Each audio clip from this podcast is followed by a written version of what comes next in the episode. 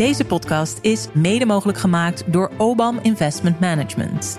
Al ruim 85 jaar Nederlandse beleggingshistorie met beleggen in aandelen wereldwijd. Ervaren, actief en met een duurzaam rendement investeren in uw financiële toekomst. OBAM Investment Management, de kunst van het kiezen. Kijk op obam.nl voor meer informatie.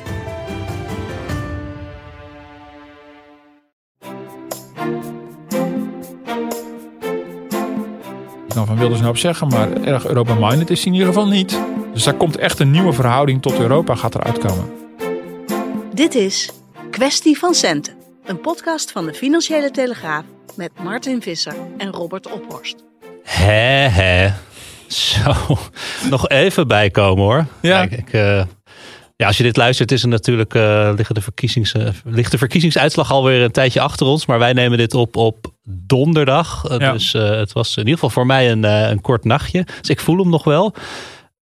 waar was jij, Martin, op het moment van de eerste exit poll? Ja, ik zat gewoon op de bank. Ik wou net zeggen, ik, Nee, zag af- je niet, ik zag je niet rondlopen. Nee, nee, ja, ik was niet nodig op de redactie. Dus dan blijf ik gewoon eh, thuis en loop ik alleen weer in de weg. Ja. En je Dus, zat op de eh, bank ja. en je bleef ook zitten. Ehm, Of sprong je op? Nee, ik sprong niet op. Zakte nee. je dieper weg? Eh, misschien wel een Gleed beetje. je eraf? Ja, nee, ik zat op de bank, zat mee af te tellen. En, eh, ja, en toen was het ook eigenlijk meteen klaar. Dus je mist ook wel een beetje zo'n spanning die opgebouwd wordt. Hè? Ik dacht eerst nog, ja, dit is, dit is maar een exit poll. Dat kan nog enorm bij worden gesteld. Maar dat valt ook allemaal reuze mee. Dat is vrij betrouwbaar eh, allemaal. Ja, dit was toch wel een, een, een ehm, extremere uitkomst dan vooraf was verwacht. Mhm. Ja. En wat, eh, welk, eh, welk gevoel overheerste? Eh, ja, toch ook wel, ook wel, ja, toch wel lichte verbijstering. Dat je, bedoel, ik, ja, dat je ook probeert te begrijpen, oké, maar waarom precies? Bedoel, nee, een beetje gemengde gevoelens. Aan de ene kant denk ik, ja, weet je, er was ook alle reden voor mij om de, de zittende coalitie electoraal af te straffen. Eh, ik verbaas me erover dat, dat de VVD mogelijk toch de winnaar zou gaan worden, of in ieder geval de grootste zou gaan worden. Denk ja, na alles ja, na 13 jaar Rutte, eh, hij heeft echt niet alles fout gedaan, helemaal niet. Dan moet ook niet te negatief zijn, maar er zijn ook heel veel, heel veel crises totaal niet opgelost. Maar ja, dat je, dat je, dat je eh, ja, na 13 jaar premierschap met een nieuwe leider probeert, zou het heel bijzonder zijn als je gewoon de macht continueert. Eh, dat zou wel heel, maar dit had ik toch echt niet helemaal zien aankomen. Ja, ik denk heel veel mensen niet. Eh, dus eh, ja, nee, ik was wel, wel enigszins verbijsterd. En ook wel, ook, ja, ook wel verrast dat ja, dat een Geert Wilders, die natuurlijk in de afgelopen jaren natuurlijk behoorlijk extreme standpunten heeft gehad. En die nog steeds ook in zijn verkiezingsprogramma heeft. Toch vrij snel, zowel politiek als maatschappelijk geaccepteerd is geraakt. op het moment dat hij een iets mildere toon aanslaat.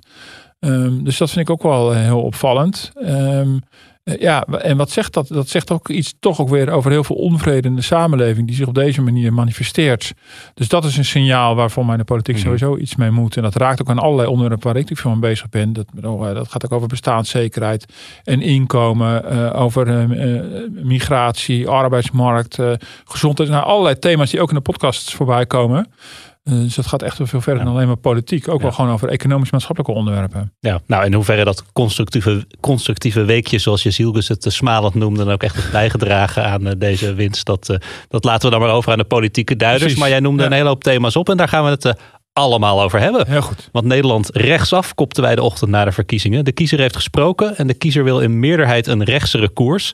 Wat zou dat betekenen voor onze economie? Hoe denkt het bedrijfsleven over een eventuele premier Geert Wilders? Of een coalitie met daarin de PVV en het NSC? En wat betekent de verkiezingsuitslag voor de positie van de polder? Daar gaan we het eh, deze kwestie van centen allemaal over hebben. 35 zetels. De grootste partij van Nederland. Wij zijn democraten, de democratie heeft gesproken. Nu breekt het uur aan dat wij de democratie gaan verdedigen. Er is onvoldoende geluisterd naar de mensen. En er zijn onvoldoende werkbare oplossingen geboden. En het voortouw ligt nu niet bij ons. Wij zijn beschikbaar om dit vertrouwen, dat wij zeer serieus nemen, vanaf morgen om te zetten in daden. Ja, hoop verhitte teksten en dan eindigen we met omzicht die toch weer een beetje het, eh, doet imploderen. ja, ja, nee, zeker. Ja, je kan ook zeggen, hij is in ieder geval rustig en genuanceerd. Ja, maar eh, ja. ja. het zakt ook wel een beetje in dan weer. hè. Maar goed. Het is eh, tijd dat Nederlanders weer kunnen doen wat in een rijk land als het onze normaal zou moeten zijn. Rondkomen, geld overhouden in de portemonnee om normaal van te kunnen leven zonder financiële stress. Bestaanszekerheid, dat is een van de, speerpunten uit het verkiezingsprogramma van de PVV. Daar kwam ook eh, deze quote uit. Er wordt er meteen een heel rijtje maatregelen opgesomd. Verlaging BTW op boodschappen, eh, lagere belasting en BTW op de energierekening, verhogen wettelijk minimumloon, verhogen van de huurtoeslag, eh, verhoging ouderenkorten, eh schrappen vliegtax. Nou, nog een, nog een paar dingen als je dat zo leest. En dan denk je van als de PVV ook maar de helft van die voorstellen kan verwezenlijken, eh, betekent deze verkiezingsuitslag in ieder geval een feestje voor onze portemonnee, Martin. Ehm, ja, ehm, maar dit moeten we ook allemaal weer betalen. Dus, eh, dus en daar, daar, daar vragen we me af hoe dat allemaal, allemaal gaat gebeuren. Hè? Ik bedoel, dit is dadelijk iets wat we allemaal zelf betalen. Ik bedoel, Ja. Er staat niet in een of andere geldboom. Eh, ook Geert Wilders heeft hij niet.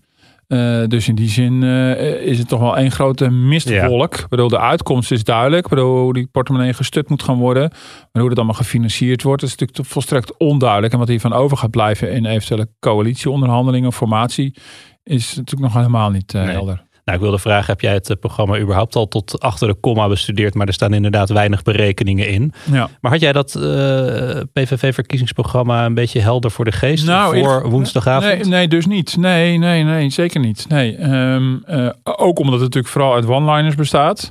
Ook omdat... De bedoeling daarvan is dat je ze goed kan onthouden. Ja, zeker. En dat helpt ook wel. Dus ik heb het ook wel vrij snel alsnog tot me kunnen nemen. En eh, ik verschuil me een beetje achter de illustere Wim Suiker. Daar is hij weer, de, de gepensioneerde CPB'er... die nadat de Telegraaf hem interviewde... overal is verschenen als een soort schaduwrekenaar. We moeten eigenlijk een portret ophangen hier van de man. Een soort statieportret. Ik bedoel, Hij, hij heeft dus alle programma's doorgerekend van partijen die niet naar het Centraal Planbureau zijn gegaan. Waarvan er mogelijk dus drie van in een coalitie gaan komen. Ehm, en met de PVV heeft hij zijn hand, had hij zijn hand nog niet aan gebrand. Omdat er was gewoon geen beginnen aan. Ik bedoel, ja weet je, eh eenregelige stellingen kun je niet doorrekenen. En nu heeft hij dat in allerijl alsnog gedaan. Eh, het zegt wel iets over... Ja, weet je, de PVV is natuurlijk al, al best wel een lange tijd een vrij stabiele factor in zetelaantallen. Tussen de, tussen de 15 en de 20 en voor mij een keer iets meer dan dat. Maar werd altijd uitgesloten en deed nooit mee. En dan was het dus ook minder relevant. En grofweg weten we ook wel een beetje wat hij, wat wil. Mhm. Maar ja, nu zal zijn programma op een manier toch de basis vormen voor, voor eventuele onderhandelingen. En wordt het plotseling eh, alsnog relevant. En dan, ja, dan, dan lopen wij er tegenaan. Maar hij zelf straks ook. Van, Ja. ja. dit moet allemaal concreet invulling gaan krijgen. Ja. Ehm, wat betekent dat voor eh, bijvoorbeeld de polder? Dat dit allemaal niet is doorgerekend en misschien niet eh, en ook allemaal niet duidelijk is waar dat geld dan vandaan moet komen. Datzelfde geldt voor de plannen van, eh, van het NSC en voor, Ja. voor de plannen van BBB, wat je zegt. Dat zijn drie, eh, drie partijen die mogelijk een coalitie gaan vormen. Ja, dat is in, in zekere zin is natuurlijk een black box. Wat hier. kijk, normaal gesproken ehm, eh, was het zo dat, nou, dat in de loop van de jaren zijn er steeds minder politieke partijen geweest die naar het planbureau zijn gegaan. Het is verder ook niet heilig dat planbureau, maar het helpt wel om een soort onafhankelijke. Eh, onafhankelijke doorlichting te krijgen van je plan. En dat je ook gewoon cijfermatig weet wat behelst het allemaal precies. Dan moet je ook, be- ben je ook verplicht om duidelijk te maken per voorstel dat je hebt om te kwantificeren. Maar hoe ga je dat precies doen? Eh, als je belasting wil verlagen, wat voor tarief dan precies? Nou, Wilders is bij die boodschap wel duidelijk. Dat gaat gewoon van 19% naar 0% btw. Nou, dat is nog wel redelijk concreet. Maar als je de belastingen van de mensen gaat verlagen, waar hebben we het dan precies over? Wat gaan we de toeslagen doen? Nou, als je dat dus allemaal nu niet hebt, bij drie van de vier partijen, dan, dan eh, wordt het ook, eh, in die formatie ook ongewisser wat daar, wat daar eventueel een compromis uit zou kunnen zijn. En anders had je in ieder geval al drie, vier doorrekeningen van, van de partijen die met elkaar in zee, mogelijk in zee gaan. En heb je al een beetje een idee, ook, ook voor de, de, de, de lobby van het werkgevers en het vakbonden, waar het ongeveer heen gaat. En hier is dat natuurlijk nog heel, Nee. eh, is dat nog heel spannend. Kan dat ook betekenen dat zo'n formatie dan langer gaat duren, omdat je het allemaal nog moet uitrekenen? Ja, dat, eh, dat kan. Ehm, ik ben bijvoorbeeld ook benieuwd, al heel praktisch. Ik bedoel, als deze partijen weigeren om het te laten doorrekenen, zijn ze dan wel bereid om het te laten doorrekenen als het straks in een regeerakkoord staat op wit gaan zetten? Eh, Of kiezen ze dan voor om het in het regeerakkoord ook vaag te houden? Die, die suggestie heeft Pieter Omzicht natuurlijk wel gedaan. Van we moeten gewoon algemene plannen opstellen. En, en dan, en dan gaandeweg de rit, dan zien we wel. eh, Mhm. in, in samenspraak met de Tweede Kamer. Ja. Ehm, ja, als dat het is, dan kan de formatie weer vrij snel gaan. Dus dit is- ik, ik, ga, ik ga me niet wagen aan voorspellingen over het tempo van een formatie. Ehm, we weten ook dat eh, Pieter Omzicht vrij lang doet over het maken van een verkiezingskrant bij de Telegraaf. Dus misschien doet hij ook wel heel lang over het maken van een regeerakkoord. Dus, dus daar zitten ook weer karakterologische. Eh, en we zitten nu nog in een fase dat nog helemaal niet duidelijk is of de VVD om wil. Maar goed, de tijd dat, dat de luisteraar dit hoort, is daar misschien wel weer meer duidelijkheid over. Maar het is wel ja, echt heel anders dan anders. Dat, dat eh, als deze vier partijen met elkaar gaan onderhandelen, drie daarvan ja, zich niet aan de Haagse mores hebben gehouden. En dat is een legitieme, dat mag allemaal. Het is geen plicht. Dus ik, eh, ik, ik vind het, het, is voor de transparantie niet goed. En voor, voor de verantwoording afleggen over wat je wil, vind ik het allemaal niet goed. Maar dat mag natuurlijk best. Je mag zeggen, ja, ik geloof daar allemaal niet in. Maar dan maakt het wel lastiger om elkaar straks te verstaan. Want je moet op een gegeven moment moet het, moet het toch concreet gaan worden. En daar horen ook gewoon getalletjes bij. Ja. Eh, Ingrid Thijssen van eh, VNO-NCW, die hoorden we donderdagochtend bij WNL onder andere. En, die zei in reactie op de uitslag van, nou ja, voor, voor, voor Nederland is het belangrijk dat er duidelijkheid komt en zo snel mogelijk dat problemen worden opgelost. Beetje algemene, algemene reacties. Jij vertelde me voor de opname over een onderzoek dat VNO-NCW en MKB Nederland vorige maand hebben laten uitvoeren onder ondernemers. En daarin werd ook gevraagd naar wat ze van plan zijn te gaan stemmen. Ja. Kwam de PVV er ook als grootste uit de bus? Eh, nee, sterker nog, de PVV werd niet eens genoemd in het hele onderzoek niet. Dat is wel, ik vond het wel opmerkelijk. Ik bedoel, eh, nog, dat zegt ook wel iets over hoe, hoezeer de PVV voor heel veel mensen, dus ook voor mij, een lange tijd buiten beeld was. Tot in die laatste paar, één, twee weken, eh, dat ineens de zaak begon te kantelen. Maar ik vond het wel opvallend. Eh 1 november kwam dat naar buiten. Ze doen altijd bij, landelijke verkiezingen doen, doen eh, werkgeversorganisaties ook altijd een soort schaduwverkiezing onder hun eigen achterban. Wat stemmen ondernemers? Eh, nou, daar was ook duidelijk dat de VVD enorm inleverde. Eh, in, eh, bij, bij de vorige verkiezingen ging nog 48% van de ondernemersstem, bijna de helft, dus naar de VVD. En dat was gezakt van 48 naar 30%. Dat was een enorme klap. Het aandeel weet niet was, was heel veel groter geworden. Op zich niet gek. Als ze vergeleken met wat ben je van plan te stemmen met de vorige verkiezingen. En bij de vorige verkiezingen is weet niet een beetje raar. Maar, eh, eh, dus op zich is dat logisch. Maar de, P- de, de VVD werd expliciet genoemd. BBB werd genoemd. Omtzigt werd genoemd. D66, GroenLinks, PvdA. En verder was het de categorie overig en weet niet. Ja. En in overig, wat 15% was, daar zat dus blijkbaar ook de PVV in. Maar als factor werd het, werd ook gewoon überhaupt niet opgenoemd. En dat was voor mij weer illustratief van, oh ja, eh, dat was de werkelijkheid drie weken geleden. Eh, dat was eigenlijk niet zo relevant. En die relevantie is natuurlijk in korte tijd enorm toegenomen. En nu moeten polden, werkgevers en vakbonden moeten zich gaan verhouden tot deze uitslag. En Ja. dat wordt nogal best wel een worsteling. Dus je ziet zowel van VNO-NCW als van de FNV vrij brave persberichten met een wat salvende toon omdat ze denken, ja, A, de kiezer heeft gesproken. Er zit dus ook een signaal naar ons toe. Eh, dat zit erin. B, we moeten hiermee gaan dealen of we het nou leuk vinden of niet. Eh, dus eh, gaan zitten toeteren à la Timmermans, die natuurlijk een oppositierol dan zou gaan krijgen. Ja, dat, dat kun je als, zeker als, als werkgeverslobby gewoon niet per, eh, eh, permitteren. Ja, en, en ze moeten ook rekening mee houden dat eh, onder hun eigen achterban, zowel bij ondernemers als bij werknemers, lid van de vakbond, ook heel veel PVV-stemmers zullen zitten. Al bleek dat uit die peiling van ondernemers toen nog niet. En dat is natuurlijk ook wel interessant. Dat je als meer dan 2,5 miljoen mensen PVV hebben gestemd, ja, dan zijn die ook gewoon, zitten er ook mensen bij de lid zijn van de, van de vakbond. Nou, en, en, stap 1 zou misschien zijn om even te inventariseren uh, Ja. die 23% op, op welke partij ze dat nu hebben, uiteindelijk hebben gestemd. Precies, die, die, die weet niet wat is, wat is het geworden. En uh, dus de ondernemers zitten daar ook heel dubbel in. Die, die maken zich zorgen over onze internationale uitstraling. Hoe moet dat eigenlijk? Uh, nou, bij een handelsmissie. Mhm. Stel, we gaan op missie uh, nou, naar een Arabisch land. Uh, ik zeg maar wat. Uh, en premier Wilders gaat dan mee. Hoe ziet dat er precies uit? Nou, dat levert toch wel interessante vraagstukken op en dilemma's. Ja. dat is een aspect. Hoe gaat zo'n mogelijk kabinet zich opstellen in, in Europa? Terwijl ondernemers natuurlijk belang hebben bij internationalisering en open blik naar het buitenland ja, zijn dit, zijn dit vier partijen waar de blik eerder naar binnen gericht zal zijn. En de vakbonden zien natuurlijk een partij die aan de ene kant heel rechts is op een aantal standpunten rondom migratie en, en, en islam, maar vrij links op sociaal-economisch uh, gebied. Dus de vakbond. Voor de, voor de vakbond is de PVV bepaald geen natuurlijke vriend, maar ook niet per se op alle vlakken een natuurlijke vijand. En ik denk dat de FNV, uh, dan, dan, dan, mag jij weer iets vragen, want ik begin enorm te ratelen. Maar ik denk dat de, de FNV uh, daar ook, ook heel dubbel in zit. Want de FNV is in de loop van de jaren ook steeds verder gaan politiseren. Door zich aan te sluiten bij antiracisme demonstraties. Er zijn bepaalde bestuursleden van de FNV die vinden dat ze die kant moeten gaan. Dan ga je politieke kleur bekennen. Um, uh, Ture Elsinga was aanwezig bij de Extinction Rebellion bezetting op de snelweg. Dus pro-klimaat. Hij zei het was pro-groene banen. Ja, daarmee kies je ook gewoon politiek stelling. En nu moet je wielen en dealen met een partij die voor jouw gevoel politiek dus ver van je afstaat, maar misschien helemaal niet zo ver afstaat van hun eigen leden. Nee, nee je noemt een heel, aantal hele interessante dingen al meteen, waar we zo op uh, doorgaan. Misschien nog heel... heel ja, ik zit natuurlijk weer dwars door je opzet heen te banjen. Ik realiseer me dat. Eerst, ik ben eerst, er toch nog een beetje vol van. eerst nog even over die, uh, dat onderzoek van VNO, NCW ja, en MKB ja. Nederland. Want uh, daaruit bleek ook dat driekwart van de ondernemers zegt dat zij vooral hogere kosten en meer eisen en regels verwachten van een nieuw kabinet. En dat, dat, dat bedoelen ze dan niet positieve manier. Nee. Um, kan je al iets zeggen na deze uitslag of een rechtskabinet met daarin bijvoorbeeld de PVV, NSC en BBB voor een andere koers zou gaan zorgen? Ja, nou, dat is best wel lastig. En um, um, kijk, bij omzicht werkt het allemaal nog zo net niet. Ik bedoel, dat is best wel een beetje een regelneef. Die wil toch van wel dingen vrij precies regelen. Dat is ook een beetje de aard van de man.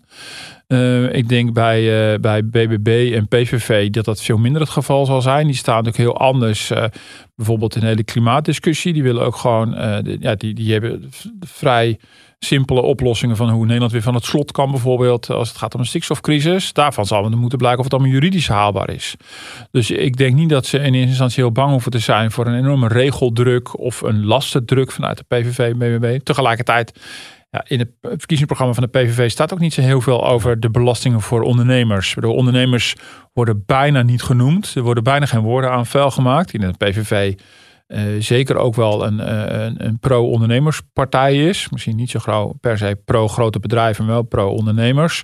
Maar hoe zich dat vertaalt in beleid, dat is allemaal nog niet heel erg duidelijk. En ja, er wordt wel in zijn algemene lastenverlichting beloofd. Maar ja, hoe dat zal gaan als er op een gegeven moment de koopkracht gestut moet worden. Of als inderdaad die B2 boodschappen omlaag moeten, moet ergens van worden betaald.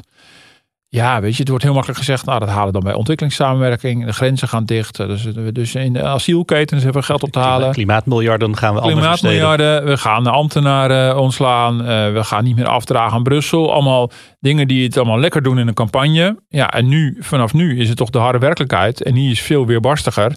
Dus of die miljarden nou zomaar voor het grijpen liggen, is natuurlijk zeer een vraag. En dan moeten ze natuurlijk wel ergens vandaan gaan komen als je de begroting niet wil laten ontsporen. Uh, de vakbonden, je noemde ze net al even. Uh, FNV is, zoals je zegt, een beetje meer, uh, nou laat ik maar gewoon zeggen, woke geworden de, de afgelopen tijd. Met, met ja, bepaalde, bepaalde onderdelen zeker. Ja, dat is echt wel een strijd daar intern. Ja. Bij BNN-Vara zijn ze in paniek, lazen wij donderdagochtend bij de Telegraaf. Alle medewerkers werden die ochtend uitgenodigd voor een bijeenkomst om elkaar een hart, hart onder de riem te steken. steken. ja, dat bleek uit een interne mail die wij ook in de handen hadden gekregen. Ja, ja. Denk je dat er bij de FNV de ochtend na de uitslag eenzelfde mail is rondgegaan? nou, als ze verstandig zijn, hebben ze niet die mail uitgedaan, want die ligt dus zo op straat. Maar ik denk dat bij een deel van de, de, van de FNV, zeker bij de organisatie, wel dit sentiment wel leeft. Ook, ook niet zo heel raar. Hè? Bedoel, ook bij BNN-Vara vind ik het ook niet zo heel erg raar. Weet je?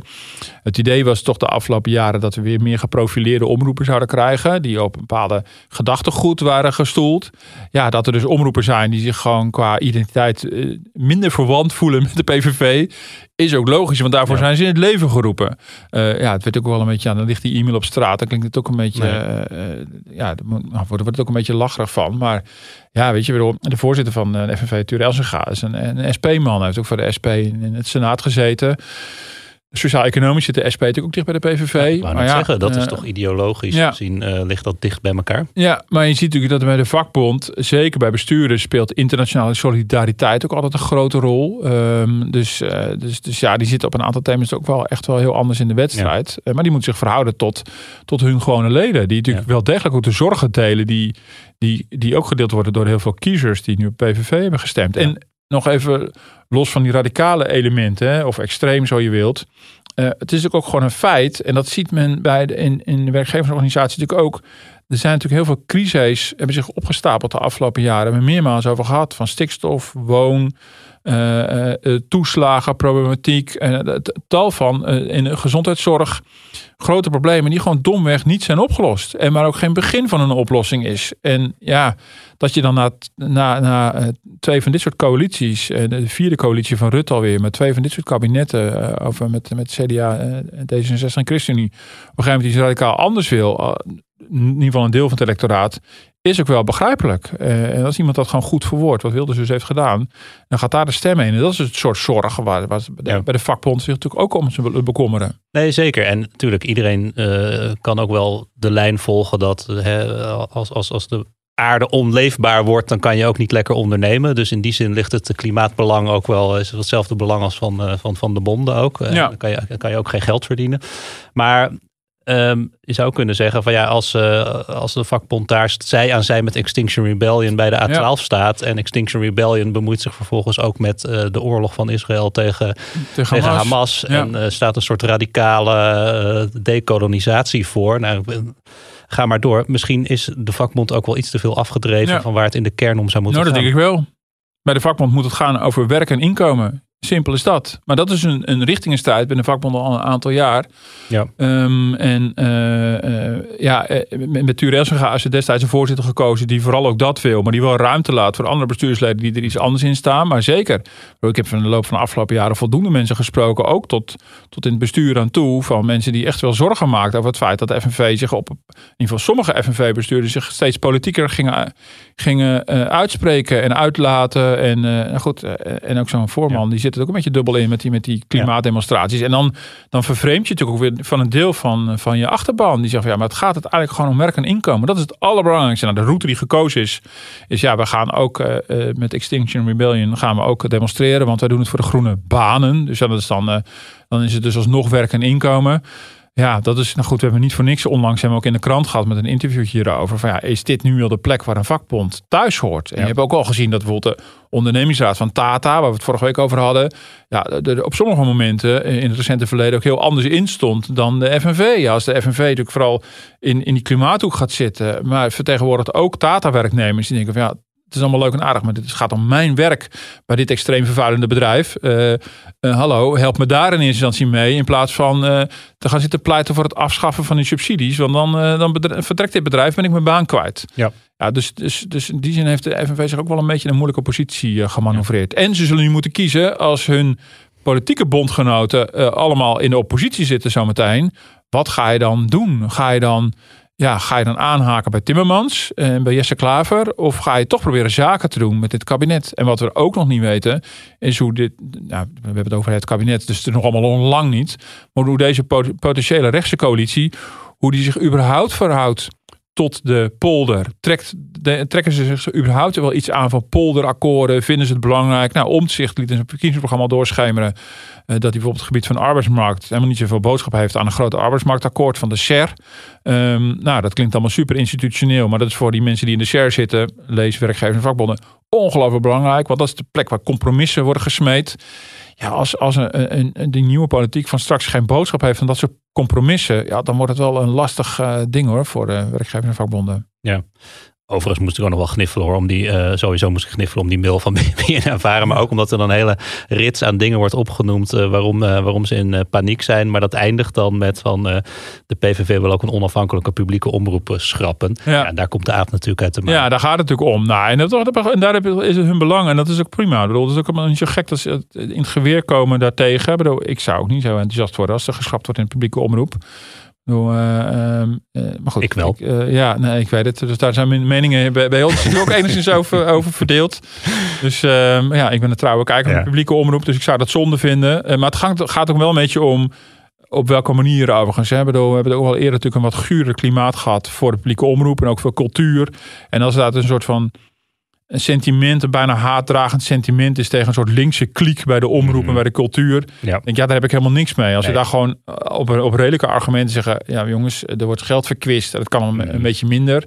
Nou, dan, dan heb je in ieder geval een gesprek. Dat wordt ook altijd wel heel erg gretig geframed hoor, door de publieke omroep in allerlei publiekscampagnes. Uh, oh, ja. die, die, die draaien het dan ook heel erg van dat ze gehaat worden en ze moeten Ja. verdwijnen. Dat moet Ja, nou goed, maar eh, weet je, we, we hebben ook gehad het VVD'ers die vonden zaklopen net zoveel cultuur als eh, het Nationaal Ballet. Weet je, eh, Ja. ja. daar zak mijn broek echt vanaf. En Halbe Zijlstra, eh, die was meer van Metallica dan van een mooi klassiek concert. Dat mag, smaken verschillen.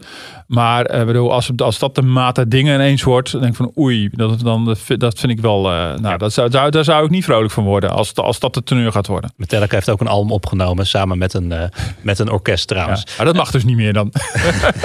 We gaan het zo nog even hebben over Europa en onze internationale uitstraling. Maar zullen we het eerst nog even over de pensioenen hebben? Want uh, Ja. toch een belangrijk thema waar we het ook hier ook, uh, vaak over hebben. Het nieuwe pensioenstelsel is natuurlijk door de Tweede en Eerste Kamer. Nu lees ik in het PVV-verkiezingsprogramma dat Wilders de wet toekomstpensioenen wil terugdraaien. Ja. Kortom, een dikke streep door het nieuwe pensioenstelsel. En uh, ook Omtzigt is een groot criticaster van dat nieuwe stelsel. Hoe denk je dat Koolmees en uh, Schout hebben geslapen de afgelopen nacht? ja, ja, hun levenswerk. Ja, ja dat wordt wel. Uh, ja, en, en weer opnieuw Turelsen gaan. De FNV-voorzitter. Die, die, die, ik bedoel, uh, doet zich helemaal de, de oren uit zijn nek. Hoe zeg je dat? Uh, de blaar op zijn tong, heeft, heeft, tong heeft gepraat. Ja. heeft gepraat om dit akkoord erdoor te krijgen. Dus, uh, dus hier, staan, hier zit heel veel bloed, zweet en tranen van heel veel mensen op. Uit middenpartijen en uit uit, uit de polder. Mm -hmm. um, maar toch, ja. jij hebt ook kritiek op ja. dat nieuwe stelsel. En Omtzigt heeft daar ook veel kritiek op. Ja. Het, ja, zeg ja. het maar. Nee, zeker. Uh, ik, ik ben heel benieuwd. Ik, bedoel, ik zag dat het vakblad Pensioen Pro had al, al uitgerekend dat het echt een kamermeerderheid is voor het terugdraaien. Dan, dan ga je natuurlijk wel wat verder dan, dan deze mogelijke nieuwe coalitie. Dan, want de VVD wil gewoon wel door. Uh, dus dan kijk je ook even buiten de VVD. Dan ga je gewoon zeteltjes stellen van, van alle kritische partijen. Het gaat natuurlijk vooral om of dit iets is wat geregeld gaat worden in het regeerakkoord. Is de VVD op een manier bereid om het wetsvoorstel waar zoveel prestige inmiddels in zit. En wat echt al door de Eerste en Tweede Kamer is. Waar het pensioenfonds zich op voorbereiden. Om dan, daar nog een stap terug te zetten. Nou, Omtzigt heeft ervoor gekozen om uh, in zijn verkiezingsprogramma om niet de hele wet te willen terugdraaien. Maar die zegt van nee, we willen de pensioendeelnemers een keuzevrijheid geven of hun pensioengeld wordt overgeheveld van het bestaande contract naar het nieuwe dus contract. dan mag je eigenlijk kiezen, ga ik mee in het nieuwe systeem ja. of blijf ik bij het oude? Ja, en aanvankelijk wilde hij een soort individueel uh, kiesrecht uh, of instemmingsrecht. Uh, nou, omdat het toch wat onwerkbaar dreigt te worden, is het meer collectief. Dus dan moeten alle pensioendeelnemers van een bepaald fonds, ze moeten dan in een soort enquête of een peiling zeggen, wij zijn er wel of niet voor dat ons pensioengeld wordt overgeheveld. Uh, en als dan de meerderheid dat niet wil, dan, uh, ja, dan blijf je met twee systemen. Je, je wordt wel verplicht om aan het nieuwe stelsel mee te doen. Maar dan blijven alle opgebouwde rechten in het oude stelsel. Wat ik overigens heel erg zuiver vind en veel logischer. Want je hebt eenmaal een contract gesloten. en ik vind het logisch dat mensen daar ook zeggenschappen over krijgen. Maar de PVV wil natuurlijk helemaal terugdraaien, helemaal afschaffen. Nou, ik weet, ja, het kan theoretisch kan het allemaal. Ik zie dat niet zo heel snel gebeuren. Maar dat het onderwerp pensioen onderdeel gaat worden van het regeerakkoord. En dat daar op een manier stappen terug worden gezet. Dat lijkt me, als dit de coalitie zou gaan worden in de komende tijd, lijkt me dat onvermijdelijk. En dat is natuurlijk wel, ja, ja, of ik daar dan weer zo heel blij mee ben, met ondanks al mijn kritiek. Ik denk, ja, weet je, dan, dan stort je alles ook weer in onzekerheid voor een heel langere tijd. Maar ja, uh, ik, ik, ik vond het pensioenstelsel uiteindelijk geen schoonheidsprijs verdienen. Dus als je die keuzevrijheid zou inbouwen, zou ik al heel wat vinden. Maar ja, dan kom je bijvoorbeeld ook weer bij Europa. Ik weet in jouw op, nee, wacht, op, we kunnen het bruggetje meteen maken. Ja, opzetten mag ik het er nog niet want, over want hebben. er is enige druk ook uit Brussel, hè? Ja, zeker. Dus dat vind ik een heel mooi voorbeeld. Dus een kleine illustratie van hoe ver ook de Europese inmenging gaat. En dat is het type inmenging waar volgens mij zowel Omtzigt als BBB als PVV echt helemaal niks mee hebben. Um, omdat de, de, pensioenwet, de invoering van de pensioenwet en de, de overgangsperiode, wat is uitgesteld en verlengd door de minister Schouten, uh, dreigden wij de voorwaarden niet te halen die verbonden zijn aan het incasseren van een paar miljard aan corona-herstelgeld.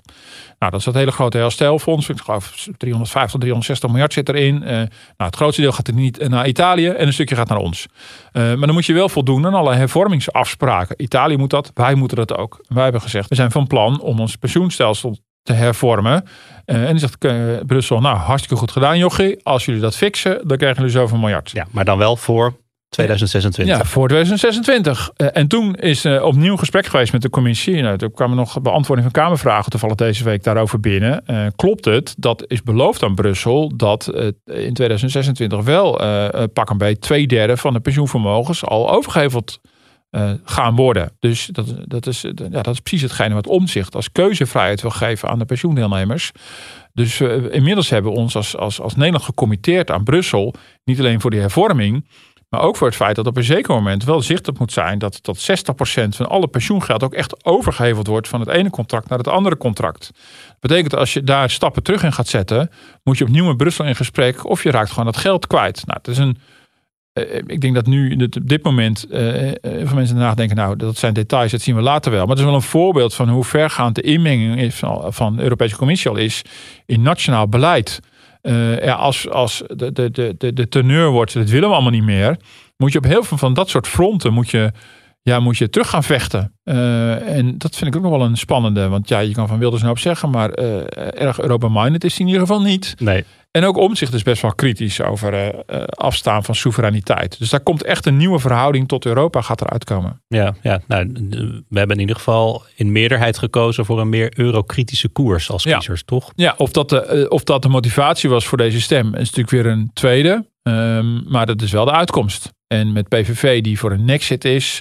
En die geen rondpompen van geld meer wil. Geen, dat we garant staan voor geld naar Italië. Dat willen ze allemaal niet meer. Um, dus goed, dat kunnen ze natuurlijk niet allemaal in één keer regelen. Maar de teneur is natuurlijk duidelijk. En nou, ook, ook, een, uh, ook de NSC van Omzicht is ook veel kritischer. Uh, op, uh, op, op, de Europese Unie. Um, nou, in december is er een top waar Mark Rutte nog heen mag als vertrekkend premier. En iets mag gaan vinden van de mega-uitbreiding met allerlei Balkanstaten die op stapel staat. Ja, die zal ook wel bevraagd worden van wie gaat daar komen bij jullie en wat, wat, welke wind gaat daar waaien. Dus wij krijgen ja, in Nederland of onze eigen Orbán of onze eigen Meloni, zoiets. Dus daar moet ook een, een, op een gegeven moment in de komende tijd een soort koers en een geluid in gekozen gaan worden. Bij een Orbán, die natuurlijk heel vaak echt gewoon, uh, gewoon recht tegen de rest van de EU ingaat. En gewoon echt zijn eigen plan trekt. Versus een Meloni die euro, van Italië, die heel eurokritisch is, maar uiteindelijk wel gewoon meedoet aan het systeem en aan het spel. Dat is ook even ja. de vraag: hoe, hoe gaat dat spel dan straks ja. gespeeld worden? Nou, we weten natuurlijk ook helemaal niet of uh, Wilders ook echt premier wordt. Nee. Überhaupt niet of hij ook in een coalitie komt. Het moet allemaal nog maar blijken. Uh, jij hebt lang in Brussel uh, gewerkt en gewoond ja. ook. Uh, toch zijn ze daar wel wat gewend. Ja, met, zeker. eurokritische premiers en eurokritische kabinetten. Sterker nog, als je nu kijkt in de rest van Europa, dan waait er toch ook wel een wat meer ja. eurokritische en wat rechtsere wind in heel veel landen. Zeker. En in die zin um, is het natuurlijk best wel heel wonderlijk dat je natuurlijk ziet dat desondanks, uh, ondanks dat die, die, die eurokritische krachten in allerlei landen zijn opgekomen, dat desondanks de, de macht en de invloed van Brussel groter en groter en groter wordt. Ja, het antwoord van Brussel op eurokritische geleiden is vaak meer Brussel. Ja, meer Brussel. Dat is in ieder geval voorlopig de uitkomst. En dat is zowel geografisch, dus in het aantal lidstaten, wat uh, volgens de Europese Commissie flink moet worden uitgebreid. En misschien ook volgens sommige lidstaten. Uh, maar ook in zeggenschap. En dat gaat steeds verder en verder.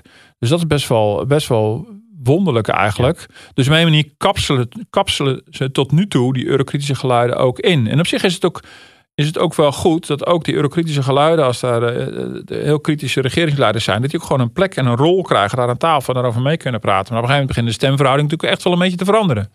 Um, en ja, ja, en ik, ja, ik vond het dus wel heel wonderlijk. Nou, Alexander Bakker, onze correspondent daar, heeft natuurlijk onlangs over geschreven uh, wat, wat de ideeën zijn over de uitbreiding. Uh, die bij de Europese Commissie leven. Nou, dat zou echt een toetreding zijn van een, van een aantal, uh, aantal landen in, uh, uh, binnen, de, binnen de EU.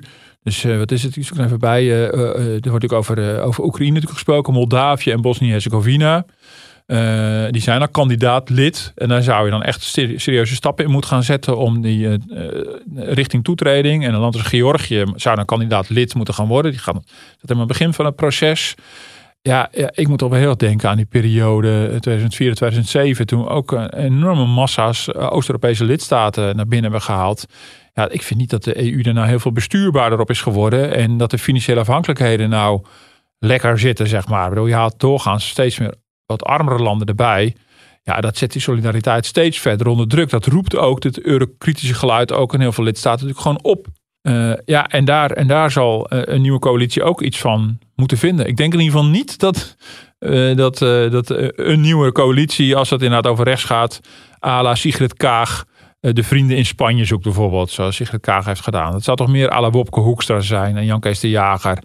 Uh, weet je, dat we weer bij de vrekkige vier horen. En uh, ja, dat is toch een beetje ons natuurlijke habitat. Ik denk dat we die hoek weer heel snel op gaan zoeken. Ja, dat, dat klinkt mij dan toch wel aanlokkelijk in de oren. ja. uh, ik denk dat ze bij, bij Otto Workforce trouwens wel blij zijn als dat soort landen erbij komen. Want dat zijn weer hardnodige arbeidskrachten die er aan de slag Nou, dan zie je dus dat de ondernemers natuurlijk weer andere belangen hebben. Kijk, het, het, ging in de verkiezing natuurlijk heel veel over asiel en over vluchtelingen. Maar je ziet natuurlijk aan de werkgeverszijde is het natuurlijk enorm belang bij open grenzen. Want die zeggen dat uh, bijvoorbeeld arbeidsmigratie gewoon onvermijdelijk is. Nou, daar zit omzicht ook al veel kritischer in. Je kan natuurlijk met zijn, met zijn plafond voor het totaal aantal migranten, inclusief arbeidsmigratie. Dus die, die gooit het allemaal op één grote hoop. Uh, nee, je ziet zeker. Bedoel, uh, het is zo'n uitzendorganisatie, maar gewoon tal van werkgevers. Ehm, nou, er kwamen ook al berichten binnen van de glastuinbouw, het Westland, waar heel veel PVV-stemmers zitten, maar tegelijkertijd de ondernemers in de glastuinbouw. Die zien, hallo, uh, die, die bijstandstrekkers van ons, die, die willen niet. Dus wij trekken mensen aan uit Oost-Europa. Daar zie je die, die belangen natuurlijk heel mooi botsen. Hè? De tussen, tussen, tussen, de mensen die daar geen woning kunnen krijgen en de ondernemers. Ja. Die dankbaar gebruik maken van die arbeidskracht. Ja, dus in dat debat natuurlijk volop gaan. Hebben we wel of niet arbeidsmigranten nodig in de toekomst met enorme kracht op de arbeidsmarkt? ja, weet je, de, de, de, partijen die nu uh, mogelijk gaan formeren, die willen ook dat de gezondheidszorg goed uh, loopt, georganiseerd wordt. Uh, ja, die, in de zorg lopen we ook volop aan tegen de, de krapte op de arbeidsmarkt. Um, ja, en, en, ja, dan als je zegt, de grens moet eigenlijk idealiter dicht of zo goed als dicht. Ja, dat gaat dus niet alleen maar om vluchtelingen. Dat gaat dus ook om mensen die mogelijk kunnen gaan werken. En dat zal heel erg moeten blijken of daar echte compromissen uitkomen. Of toch vrij hardline-achtige uh, nieuwe afspraken. Nou, en, en dat, dat zal ook in het hele Brusselse debat ook wel een rol gaan spelen. Want voor migratie zijn we natuurlijk ontzettend afhankelijk van de Europese Unie. Ja, nou misschien dan nog tot slot. Je noemde net ook al even die handelsmissies. We weten van Rutte dat hij uh, onvermoeibaar de belangen van het Nederlands bedrijfsleven altijd behartigt uh, ja. over de grens. ook niet bang om iemand als toenmalig president Trump tegen te spreken in het Witte Huis. Ja, wat zou een uh, premier Wilders betekenen voor de internationale uitstraling van Nederland? Ja, dat, je, ziet, je ziet natuurlijk wel de internationale pers. Die, uh, die uh, ja, heeft natuurlijk echt wel een andere reactie dan van de nationale pers. Bedoel, die zien natuurlijk vooral de, het lijntje van Boris Johnson, Trump, Orbán, Wilders. ook, ook geen conventionele types? Nee, terwijl wij misschien zeggen van ja, hallo. Bedoel, maar zo'n mafklapper is het nou ook weer niet. Ik bedoel, uh, dus, dus, wij zien natuurlijk wel, ja, van binnenuit zien we natuurlijk wel ook wel de nuances en de verschillen. Maar het buitenland zal je toch wel, uh, toch wel wat, wat gekker tegenaan kijken. Tegelijkertijd, we zeiden net al, er zijn al meer landen geweest waar ze toch op een gegeven moment ook echt wel radicalere politici aan de macht hebben gekregen. Waar gewoon ja, het electoraat zich gewoon zo uitspreekt. En, uh, en als die de onvrede vertolken, dan heb je het er maar mee te doen. Dat is hoe democratie werkt. Dus, uh, nou, en alles zie je natuurlijk dat Wilders ook wel al een beetje de verzoenende toon zoekt. En ook wel begrijpt dat hij niet ineens kan zeggen: ik gooi de grens allemaal dicht. En al die stoere taal van voor de verkiezingen. Die, zal die, die, die zal in de komende tijd echt wel anders gaan worden. Dat is onvermijdelijk. Ja. Uh, hij wordt in, in het buitenland ook veel vergeleken met Donald Trump uh, nu. Ja. Ik, ik weet nog van de eerste toespraak van Donald Trump na zijn uh, verkiezingswinst was ook heel erg verbindend. Ja, hij bedankte zelfs de familie Clinton nog. Ja, ja, maar dat was ook de laatste daarna, daarna, daarna, daarna, was het wel uh, voorbij. Ja, maar ik heb wel het gevoel, uh, ik ken Trump niet persoonlijk, Althans, maar verbindende woorden. Ik, ik, heb wel het gevoel dat er wel een heel groot verschil zit. Ik bedoel, ik, dat, Trump was echt een uh, in die zin echt wel meer een outsider, ook voor de Republikeinse Partij. Die kreeg ook een beetje zo'n koekoeksjongen in zijn midden en uh, dat heeft ook daarvoor verdeeldheid gezorgd. Geert Wilders is natuurlijk echt een insider. Ik bedoel, dus, geloof ik een langzittende Kamerlid, zit 25 jaar, komt uit de VVD, is inmiddels al heel lang geleden.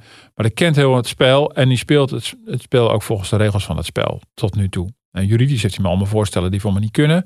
Maar verder weet hij precies hoe het gaat. Dus hij is ook, voor zover ik kan zien, on speaking terms met ongeveer iedereen. Um, en uh, bedoel, dus in die zin is het niet, het is niet een van de clown of iets dergelijks. Ik bedoel, absoluut niet. Uh, alleen, goed, hij heeft gewoon bepaalde standpunten en hij heeft ook zijn kiezers iets beloofd. En daar moet hij natuurlijk iets mee.